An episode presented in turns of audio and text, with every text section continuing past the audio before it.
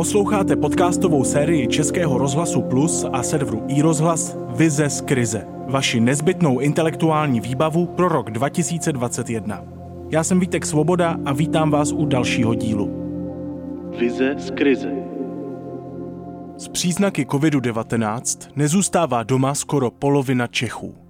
Tak zní zjištění výzkumu Světové zdravotnické organizace a Německé univerzity Erfurt. A i když takové jednání nejde než odsoudit, vyvstává tu taky otázka, nedalo se to tak trochu čekat? I když velká část z o něch 640% lidí odmítá izolaci z čirého sobectví, mnoho z nás si karanténu prostě nemůže dovolit. Pandemie totiž trvá už rok. Mít covid znamená pro mnohé z nás finanční výpadek, někdy i ztrátu práce. Jak tedy covid zamával s českou společností? S daty i nápady přichází ve svém zamyšlení pro podcast Vize z krize sociolog a ředitel ústavu STEM Martin Buchtík. Doktorské studium absolvoval na Fakultě sociálních věd na Univerzitě Karlově, dříve řídil Centrum pro výzkum veřejného mínění a tým sociálního a politického výzkumu ve společnosti Median. Jaká je podle něj cesta z krize pro českou společnost? Poslechněte si jeho vizi.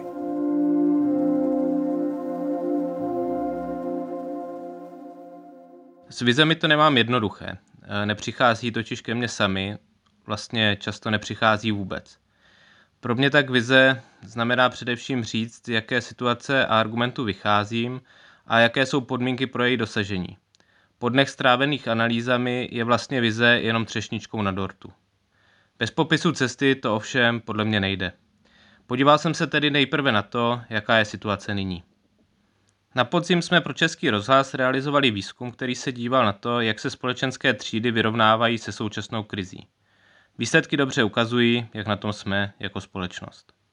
To hlavní je, že současná krize postupuje všemi patry společnosti, byť každým trochu různě. Krize je spíše snaha nestratit hodně, než nějaká velká příležitost, kterou by každý trochu schopný člověk měl využít. Různé dopady se jen obtížně přiřazují konkrétní skupině obyvatel a to znesnadňuje cílení případných opatření, které mají za úkol tyto dopady zmírnit. Můžeme říct, že ve většině případů je pozitivní hodnocení, ať už se díváme na jakoukoliv oblast života, jen ojedinělé a o příležitostech se nedá hovořit skoro vůbec. Společnost a jednotlivé skupiny v ní se krizi spíš snaží přečkat, dokud se nevrátíme do zaběhlých kolejí. Víme ale, že koleje povedou trochu jinou krajinou než před epidemí. Spíš než využít otevřených příležitostí se v podstatě všechny skupiny obyvatel napříč společenskými třídami, věkem, vzděláním nebo bydlištěm snaží, aby nestratili příliš. Mnohem víc než věk určuje prožívání současné situace životní fáze, ve které jsme. Lidé v důchodu se více obávají o své zdraví, museli omezit kontakt se svými nejbližšími ale změny v trávení volného času nebo vlastní ekonomické situaci pociťují relativně méně než ostatní skupiny. Na druhé straně mladí lidé se nemají skvěle, přestože ovládají technologie. Silně prožívají, že musí měnit způsob trávení volného času, nevídají své kamarády, musí korigovat své životní plány. Lidé s dětmi ve školním věku zase řeší nároky distanční výuky. Desítky tisíc dětí ze vzdělávacího systému nakonec vypadávají úplně. Také platí, že pokud máte malé úspory, budou se dále stenčovat, pokud máte nízký příjem, více pocitujete obavy z toho, že přijdete o práci, pokud jste o ně ještě nepřišli. To platí zvlášť, když ve svém okolí nemáte lidi, na které se můžete za každé situace spolehnout. Je známý fakt, že lidé pracující v různých oborech jsou zasaženi různou mírou a ekonomicky více než ekonomicky neaktivní skupiny společnosti. V datech však zřetelně vidíme, že krize zasahuje mnohem širší spektrum pracujících než jen ty, kteří pracují ve službách, pohostinství, wellness nebo cestovním ruchu, jak se o tom často hovoří. Je zřejmé, že krize zasáhla i celé dodavatelské řetězce, včetně dopravy, ale taky vyšších manažerských pozic, menších podnikatelů a nebo ředitelů firem. Průběžný účet je tedy celkem jasný. Existenčně epidemii zasaženo asi 15% populace – Buď přišli o práci, mají vážné zdravotní problémy, prožívají výrazný stres ze sociální izolace, zemřel jim někdo blízký, nebo se fakticky skoro rok neúčastní žádné výuky. 15% se zdá málo, ale je to asi 1,5 milionu lidí. To je jako Jičín, Svitavy, Benešov, Rakovník, Hlučín, Chodov, Až, Česká Třebová, Varnsdorf a Mariánské lázně dohromady. Ovšem to celé krát deset. Jsme nepochybně v nepříznivé situaci, jejíž následky budeme cítit ještě několik let. V celkovém pohledu ji zvládáme dobře, i když se o tom často nemluví.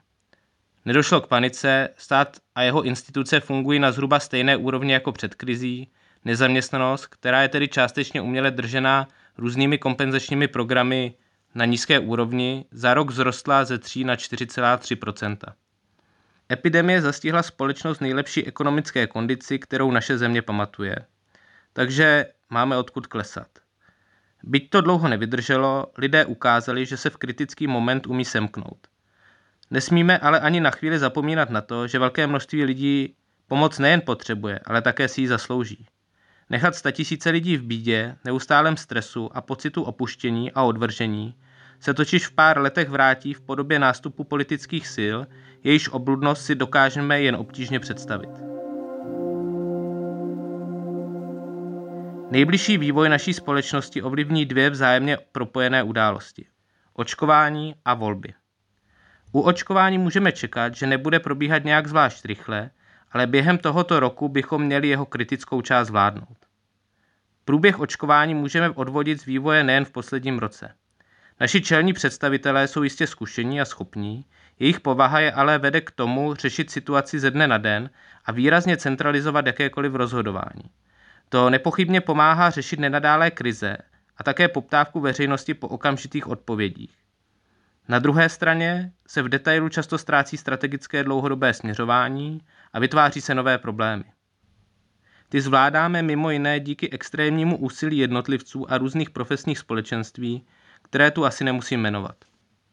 To všechno se spíš nezmění. Nedávno oznámené zrušení stávajících volebních pravidel a probíhající volební kampaň v rámci boje o voliče neumožní stranám hledat koncenzuální řešení problému. Volby proběhnou v době, kdy epidemická situace nebude vyřešená. Vládní strany tedy nemají možnost kampaň postavit na tom, že situaci zvládly. Opozice jim k tomu ostatně nejspíš také nedá žádnou příležitost. Krize a dílčí drobné kroky se s velkou pravděpodobností stanou součástí kampaně. To utvrdí všeobecnou nedůvěru veřejnosti. Samotné volby, jak ukazují současné volební modely a trendy, nejspíš nevynesou na výsluní žádnou extrémní politickou sílu. Vláda ale bude vznikat pomalu a těžko, nebude mít pohodlnou většinu, bude řešit epidemickou situaci a její ekonomické následky. Jednoznačně bude dělat řadu nepopulárních kroků. Určitě nepřinese tolik potřebné reformy, jako je ta daňová nebo důchodová, příliš nepokročí v řešení problémů změny klimatu a proměny naší krajiny. Jejím motorem bude spíš řešit následky epidemie, než se dívat do budoucnosti. A to bohužel přispěje k síle problémů, které nás čekají. Oteplování planety nebo stárnutí populace jsou prostě procesy, které se bez pochybnosti dějí a jejich řešení je nezbytné. Možná to všechno vyznívá příliš negativně, ale situace beznadějná rozhodně není. Česká společnost stále funguje. Jistě, někdy až navzory všeobecné frustraci a rozčarování. A i když si občas říkáme, jak je to vůbec možné. Takhle totiž vypadá krize. Je úmorná a ubíjející. Na rozdíl od filmu a knížek nestojí na hrdinském rozhodnutí nebo schopnosti udělat velkou oběť. Cestu z krize nezařídí hrdina, objevený státník nebo zázračná dívka, která v sobě objevila dosud neviděné magické schopnosti. Je to prostě na nás všech, na společnosti, které každý přispíváme, i když nefunguje bez ztráty kytičky.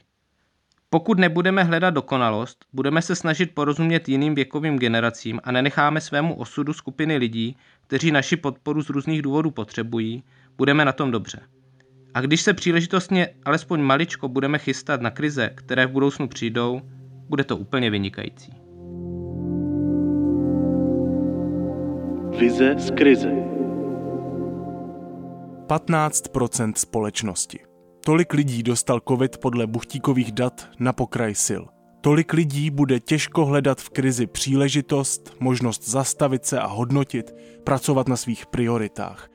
Tlak na společnost, aby z krize vyšla lepší, se jich prostě nemůže týkat. Musí to celé prostě jenom zvládnout. Cituji. Krize je spíše snaha nestratit hodně, než nějaká velká příležitost, kterou každý trochu schopný člověk dokáže využít. Konec citace. Tahle věta z eseje Martina Buchtíka mi ještě dlouho bude znít v hlavě. Vize z krize.